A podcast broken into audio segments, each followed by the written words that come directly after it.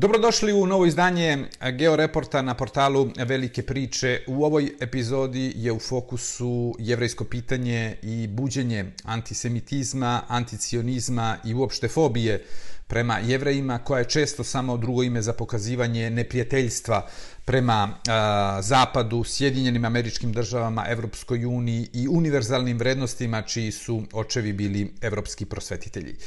Proporcionalno gledano, pripadnici jevrejskog naroda su kao nijedan drugi i pored toga što su proganjani vekovima doprineli da ovaj svet bude mnogo bolji u svakom smislu. I tu naravno ne mislimo na ultraortodoksne jevreje koji su takođe kao i deo e, muslimanskih vernika ostali zaglavljeni u meandrima tamnih vekova. Dakle, e, sve manje jevreja u Evropi, e, pre drugog svjetskog rata 10 miliona e, jevreja je živelo na našem kontinentu od 17 koliko ih je bilo na celoj planeti. Praktično trojica od petorice jevrejina su bili državljani neke od evropskih država. Danas je na starom kontinentu manje od milion i po jevreja, šta više manje od milioni četiristo hiljada i tek svaki deseti ili jedanajesti e, jevrejin živi na našem kontinentu. U posljednjih e, četvrt veka u kojima smo u zapadnoj Evropi bili e, svedoci e, dolaska miliona i miliona, ako ne i desetine miliona migranata, 700 hiljada jevreja je zauvek napustilo Evropu i otišlo da živi u Izrael, Sjedinjene američke države i Kanadu. Rečju, u Evropi je sve manje jevreja, a sve više antisemitizma. Gde danas e, žive uh, jevreji u Evropi? Uh, u istočnoj Evropi, uh, tu mislimo na evropski deo Sovjetskog saveza, Poljsku i Pribaltičke republike, gde je pre uh, početka drugog svjetskog rata živela većina evropskih jevreja, danas gotovo da ih nema. U Rusiji je e, pre drugog svjetskog rata, uprkos e, pogromima kojima su jevreji bili izloženi od ubistva cara Aleksandra II, za koje su neopravdano kolektivno optuženi, živela je najveća jevrejska zajednica. Bilo ih je više od 3 miliona. Danas e, u Rusiji živi tek 165.000, u Ukrajini je manje od 40 e, hiljada u pribaltičkim republikama i Poljskoj gotovo da ih i nema, govorimo o par stotina ili, ili par hiljada jevreja. Nešto veća zajednica je u Mađarskoj gde ih ima oko 40 eh, hiljada. Situacija nije ništa bolja ni u zapadnom delu kontinenta. Trećina jevreja živi u Francuskoj i upravo je peta republika zemlja iz koje se beleži sve veći broj jevreja koji se vraćaju u Izrael zbog sve izraženijeg antisemitizma. Nekadašnja opaska, srećan kao jevrejin u Francuskoj, odavno ne odgovara činjeničnom stanju. E, sličan scenario se e, događa i u Velikoj Britaniji, gde e, imamo oko 300.000 jevreja takođe izloženih sve češćim napadima, verbalnim i fizičkim kao i zastrašivanjem.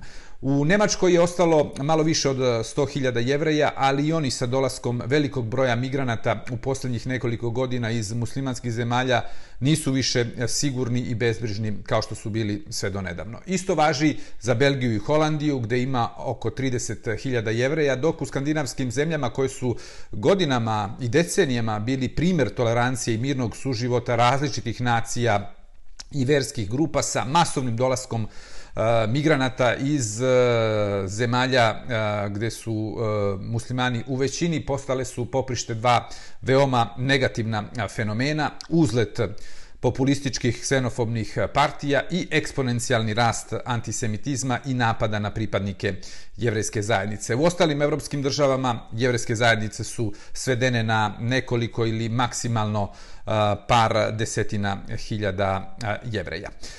Gde su koreni antisemitizma u Evropi?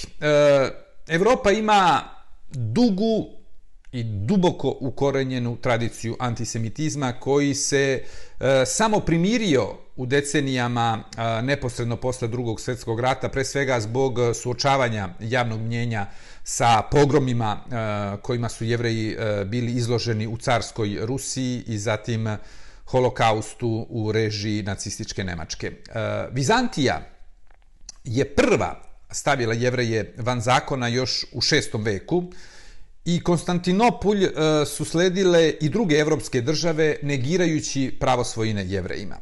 U 11. veku u Engleskoj i Francuskoj je rođena a zatim i raširena po celoj Evropi priča o jevrejima koji ritualno ubijaju hrišćansku decu.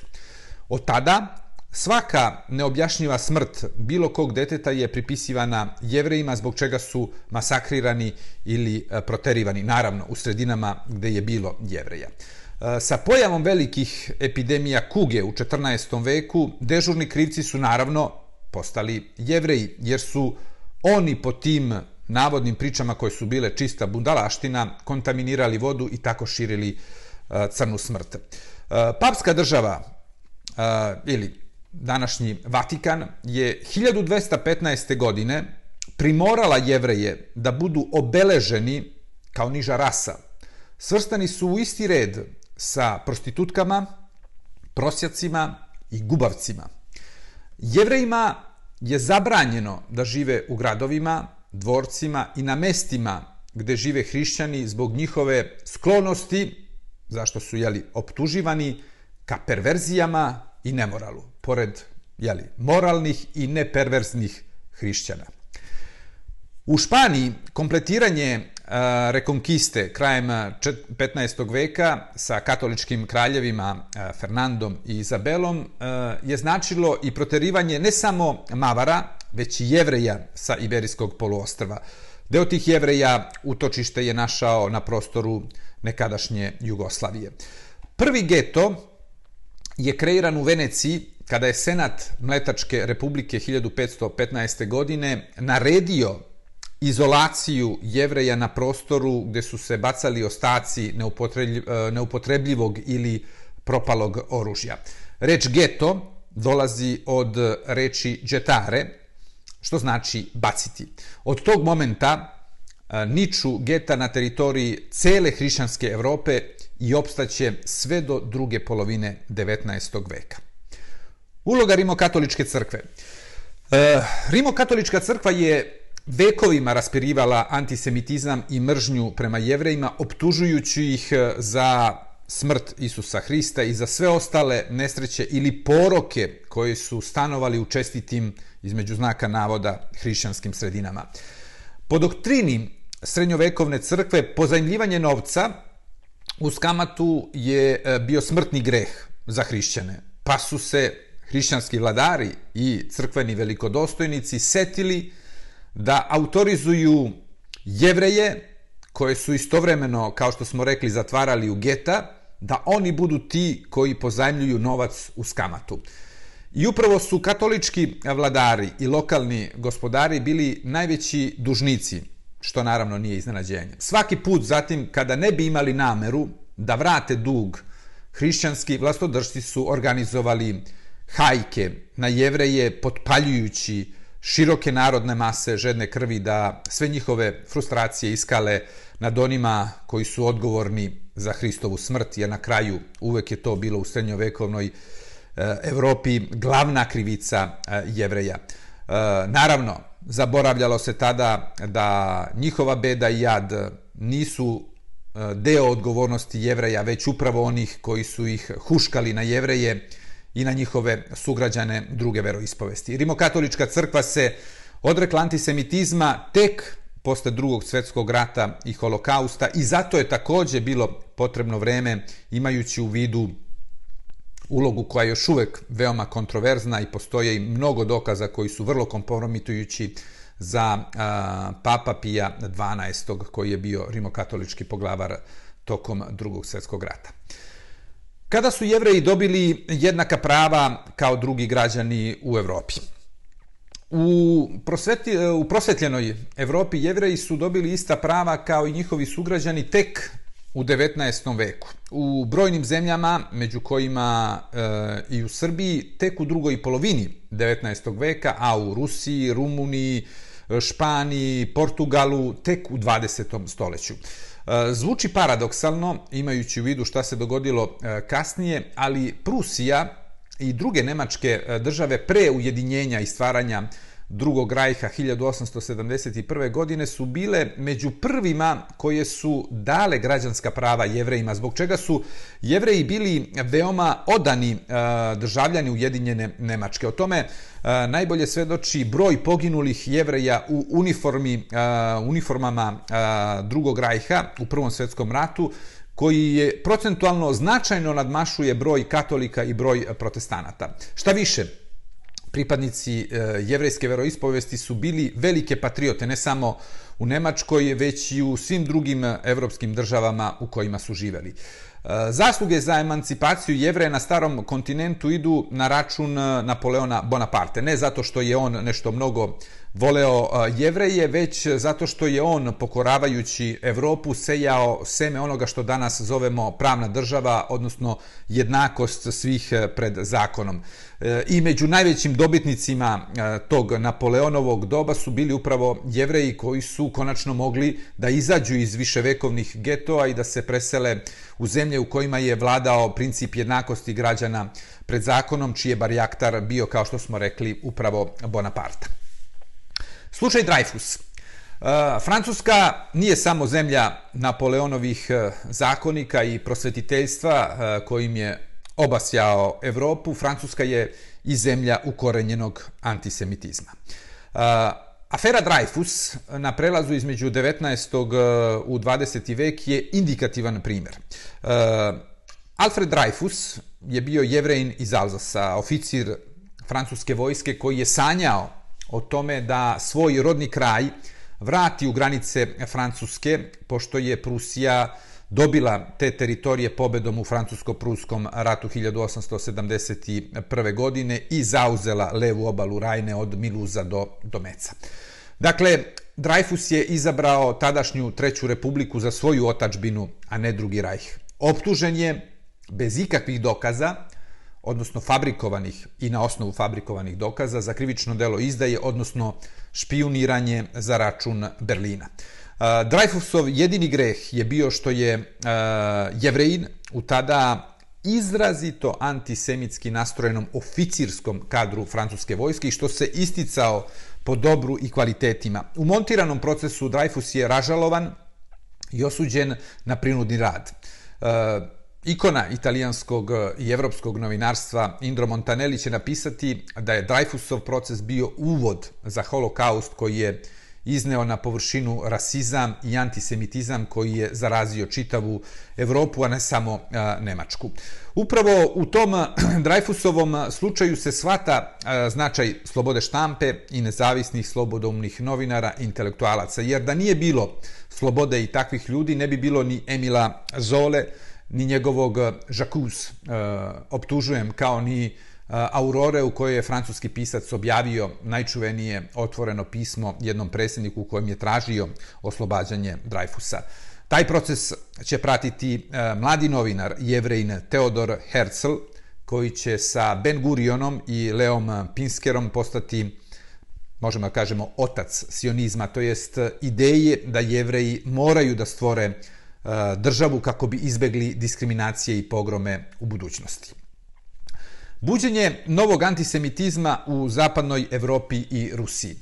U drugoj polovini 19. veka je ojačano e, seme zla protiv jevreja u Francuskoj i Velikoj Britaniji. U Francuskoj je antisemitizam bio posebno jak, kao što smo rekli, u vojsci, ali i u krugovima ekstremne desnice.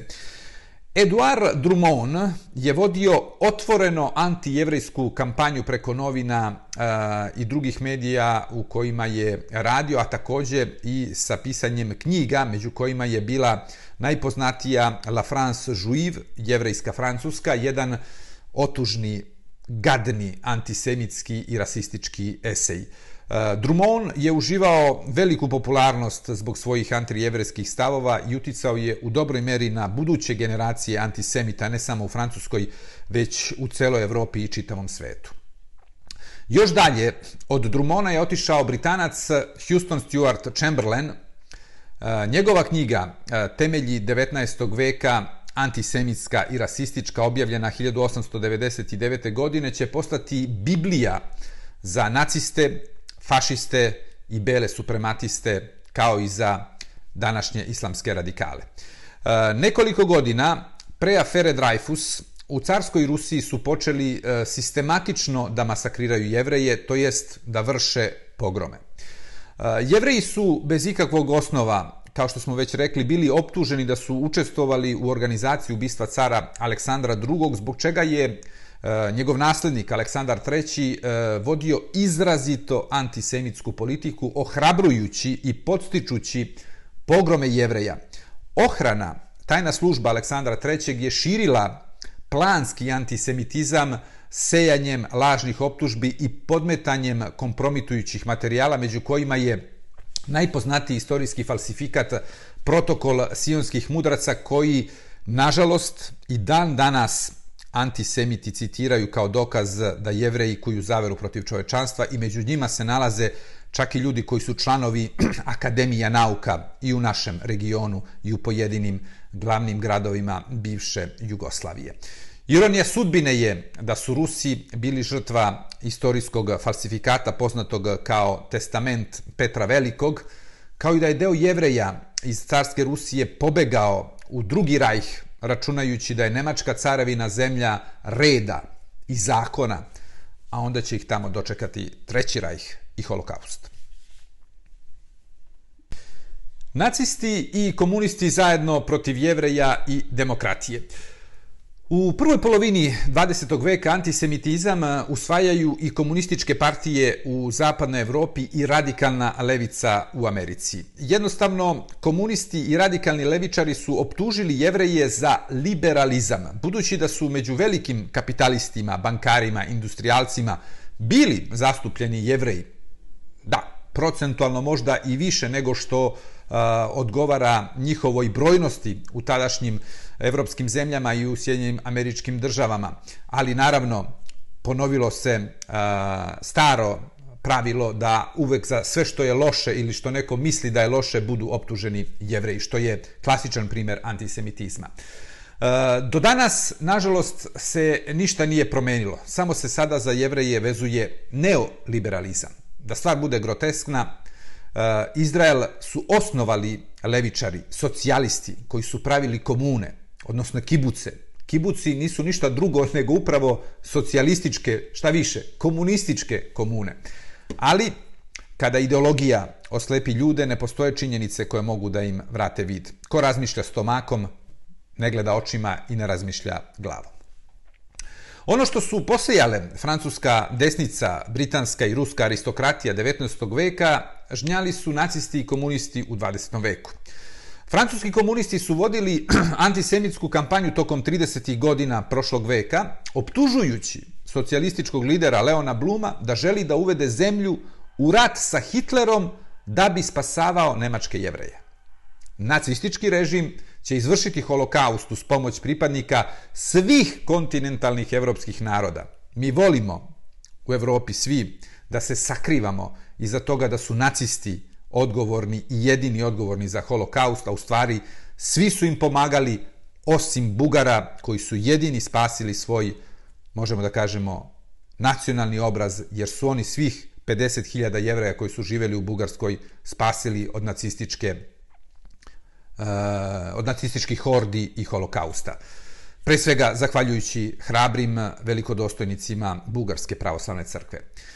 Podsjetimo, šest miliona jevraja je ubijeno, među kojima milion i po dečaka i devojčica, odnosno 60% jevrejske populacije na starom kontinentu, a jevreji nisu imali ni vojsku, ni terorističke organizacije, ni bilo, kako, ni bilo kakvu vrstu otpora. Tu i tamo je negde bio po neki odred u kojima su bili u značajnoj meri jevreji, ali govorimo o o izuzecima i veoma malom broju. Dakle, ubijeni su civili koji nisu imali nikakvu zaštitu, niti su imali bilo kakvu organizaciju, bilo državnu ili drugu koja je mogla da ih zaštiti.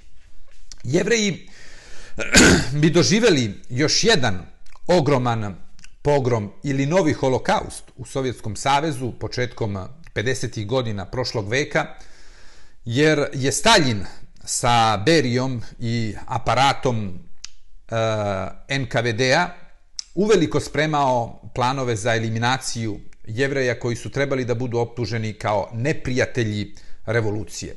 Omiljena optužba u bolševičkom Sovjetskom savezu. Srećom, Stalin je umro pijan, upišan i ustran u agoni, jer niko nije smeo da uđe bez odobrenja u njegov kabinet na sreću jevreja i celog sveta.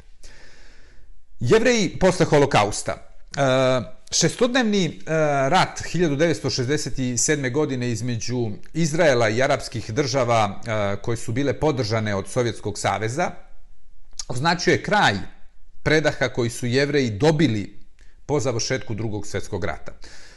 Klonuli antisemitizam je dobio novo pogonsko gorivo koje se eksploatisalo iz postojanja izraelske države u okruženju arapskih zemalja koje su manipulisale, kao što i danas manipulišu sa palestinskim pitanjem i palestincima.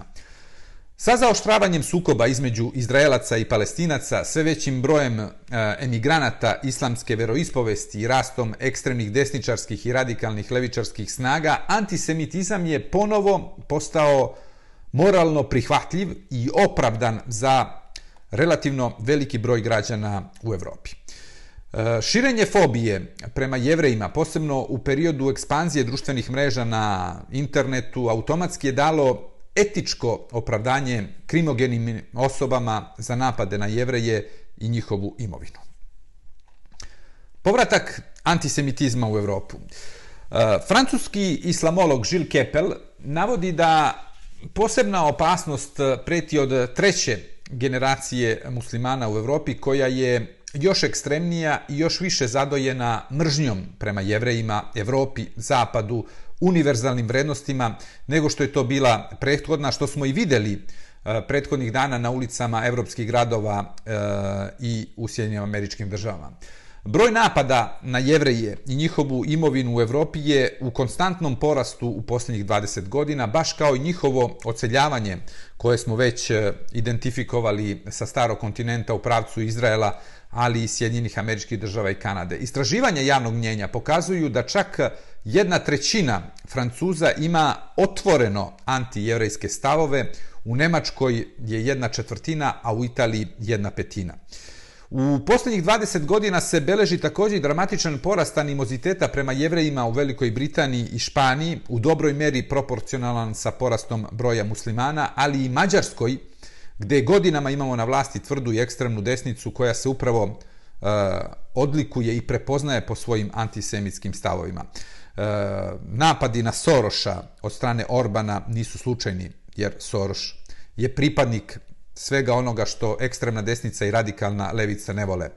Jevrejin, neoliberal po njihovim shvatanjima i čovjek koji ko hoće da upravlja svetom i promeni svet. Eksponencijalni rast napada na jevreje i porast antisemitizma u Engleskoj se vezuju za period kada je Jeremy Corbyn vodio laborističku partiju. Novo rukovodstvo laburista sa Stremerom je moralo da suspenduje Korbina zbog njegovog antisemitizma. Mržnja prema jevrejima često, kao i u Francuskoj, ima puno nijansi. E, između ostalog i zato što su e, jevreji u dobroj meri u potpunosti integrisani u e, francusko društvo i oni ne stavljaju, kao što je i normalno, u prvi plan svoje versko opredeljenje, tu ne mislimo naravno na ultraortodoksne jevreje. Međutim, kako objašnjava profesor antropologije i sociologije Erik Cohen, Čim neko javno iznese uh, svoj jevrejski identitet, počinje da biva meta verbalnih e, napada, posebno na društvenim mrežama, a sve češće i fizičkih uh, nasrtaja, o čemu smo imali dokazi u Lijonu gde je uh, izbodena nožem jedna žena na svom praktičnom kućnom pragu. Četiri izvora antisemitizma u Evropi. Uh, Evropski antisemitizam se hrani iz četiri različita izvora. E, prvi je sa klasičnim rasističko-neonacističkim pečatom koji predstavlja jevreje kao nadmenu rasu koja dominira svetskom ekonomijom, odgovorna za sva sla koja e, pogađaju obične ljude. E, drugi je uvijen e, u oblandu anti-izraelskog stava koji prikazuje jevreje u Izraelu kao neku novu vrstu nacista koji sprovode politiku Sjedinjenih američkih država na Bliskom istoku, diskriminišući palestince ili čak kao što smo čuli mnogo puta u poslednje vreme, sprovode genocid nad palestincima zaboravljajući da u samom Izraelu, dakle ne na zapadnoj obali i Gazi, živi 2 miliona Arapa i da je njihov odnosno palestinaca, i da je njihov broj u posljednjih 50 godina se udvostručio, odnosno utrostručio, baš kao što je i slučaj sa palestincima na zapadnoj obali i u Gazi. Treća vrsta antisemitizma se bazira na negiranju holokausta i priči da ga jevreji zloupotrebljavaju za ostvarivanje obskurnih ciljeva, prikazujući sebe kao žrtve. Ono što antisemiti strašno ne podnose je da jevreji bilo kada u bilom kom kontekstu, čak i po pitanju holokausta budu predstavljeni kao žrtve. Četvrti i sve snažni izvor antisemitizma dolazi od sve brojnije muslimanske zajednice u evropskim državama koje e, su duboko indoktrinirane mržnjom prema jevrejima i Izraelu od e, ne samo e, imama koji to često propovedaju u evropskim džamijama ili mestima gde se vrše molitve, već i sa sve izraženijim prisustvom medija iz Persijskog zaliva koji e, izveštavaju i mm, prikazuju situaciju e, u Izraelu i Palestini na gotovo istovetan način kao što Russia Today prikazuje rat e, odnosno rusku invaziju na Ukrajinu i događanja u Evropi. Između tih medija i e, medija pod kontrolom Kremlja e, ima zaista vrlo malo razlika, gotovo nebitnih. Francuska kao novi epicentar e, antisemitizma.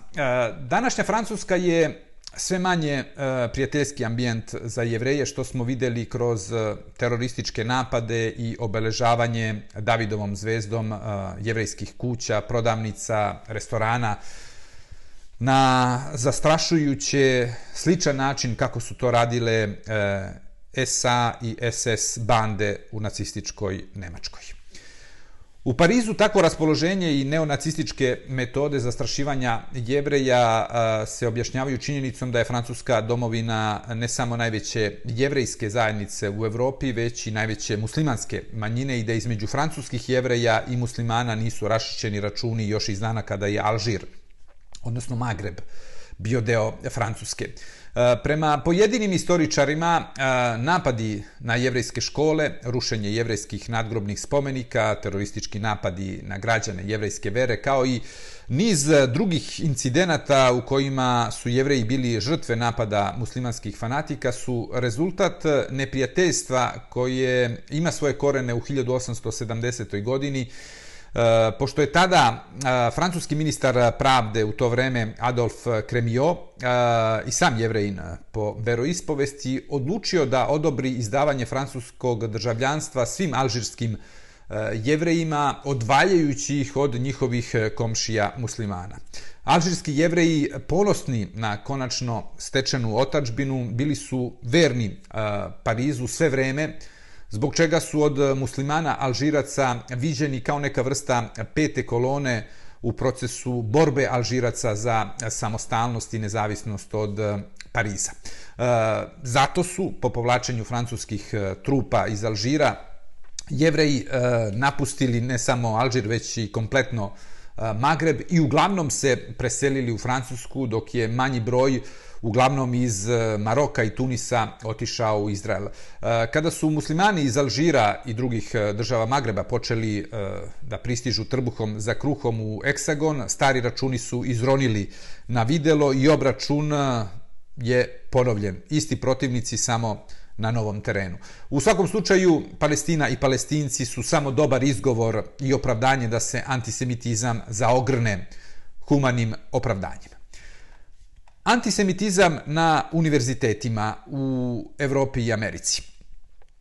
Britki um američkog komičara Bila Mera je izbacio rečenicu koja u dobroj meri oslikava radikalizaciju dela studenta od e, najprestižnijih univerziteta u Americi i svetu koji su e, podržali e, Hamasove teroriste do onih u Evropi. Ako je neznanje epidemija, Harvard je Wuhan. Međutim, nisu uh, studenti na Harvardu, ali i u drugim jeli, univerzitetima i prestižnim višo, visokoškolskim ustanovama u Americi i zapadnom delu sveta prvi put na strani uh, najkrvavijih diktatora i terorističkih organizacija. Uh, Oxford i Cambridge su između dva svetska rata bili leglo Staljinovih pristalica i uh, posljedično špijuna koji su se infiltrirali ne samo u obaveštene službe Ujedinog kraljevstva, već i u brojne e, sastave vlada kao i samoj kraljevskoj e, porodici, jeli, poznata je Kembridžska e, petorka. U Parizu je, primjera radi, većina docenata na fakultetima između dva svetska rata bila upisana ili je bila simpatizer francuske komunističke partije koja je u Staljinu videla bezgrešnog lidera i odlikovala se, kao što smo već pomenuli, eh, antisemitizmom, optužujući socijaliste da žele da uvedu Francusku u rat za bi eh, spasavali jevreje od Hitlera. Na drugoj strani, Fakulteti širom Evrope i Amerike su tokom eh, 20. I 30. godina takođe bili krcati oduševljenim sledbenicima fašističkih i nacističkih ideja i naravno antisemitskih. Kasnije su svi brisali ili negirali mladalačke političke ljubavi na njihovu sreću. Tada nije bilo interneta i društvenih mreža, pa se sve završavalo sa rekla kazala. Zašto se na zapadnim univerzitetima podržavaju neprijatelji Zapada? E, posle drugog svjetskog rata, e, dobar deo e, zapadnih univerziteta je bio pod uticajem radikalnih levičara, staljinista, trockista, delili su se na nekoliko, uh, možemo da kažemo, sekti, uslovno rečeno sekti, ali to je otprilike bio pravac. Paradoksalno, na početku hladnog rata, na najpoznatijim školama se čvrsto verovalo, čak i navijalo, da komunistički blok uh, izađe kao pobednik E, kada se to ima u vidu, onda ne može da iznenadi nikoga što smo 1968. godine imali maoističke studentske proteste u evropskim gradovima i takođe proteste protiv američke e, pomoći e, Vjetnamcima u borbi protiv Vjetkonga. U periodu dok je Mao Zedong masakrirao kinesko stanovništvo tokom kulturne revolucije, istina nisu jeli, bili pošteđeni ni, ni vrapci. E, deo evropske levičarske inteligencije paradirao u takozvanim maovkama, odnosno u bluzama skrojenim po modelu Mao Tse-tunga, promovišući maoizam kao politički ideal. Postojala je još ekstremnija frakcija koja je otišla toliko daleko da je slavila i uzdizala kao moralnu gromadu nemilostrdnog diktatora i ubicu Pola Pota, naredbodavca kambođanskog genocida koji su izvršili crveni kmeri. Na američkim univerzitetima je bila uobičajena pojava da su se organizovale manifestacije ili izražavala podrška vjetnamskim komunistima i Narodnom frontu za oslobođenje Južnog Vjetnama, poznati kao Viet Cong, koji se borio protiv Republike Vjetnam, koja je bila podržana od strane Vašingtona. E, slobode koje garantuje samo zapadno-demokratska liberalna društva su često zloupotrebljavana i koriste se, što je još više intrigantno, kao sredstvo u borbu protiv njih samih. Nekada od komunista, nacista, fašista, danas od islamskih džihadista finansiranih od strane arapskih petromonarhija, kao i kineskog i ruskog režima. E, liberalne e, demokratije su hladne i prozaične, totalitarizmi su topli i zavodljivi i zato se mladi intelektualci često upletu u njih kao što je to bio slučaj na evropskim univerzitetima tokom 30. godina kada je nacizam mnoge fascinirao. E, to je napisao još 1987. godine Alan Bloom u svom čuvenom eseju The Closing of the American Mind – Na fakultetima u Americi i Evropi se već decenijama Zapad i demokratsko-liberalno društvo predstavljaju kao brutalna i totalitarna. Stavljaju se u istu ravan sa diktatorskim režimima i dodatnom optužbom da su nametnuli svoj kulturni model svim drugim narodima i da zbog toga su još više krivi.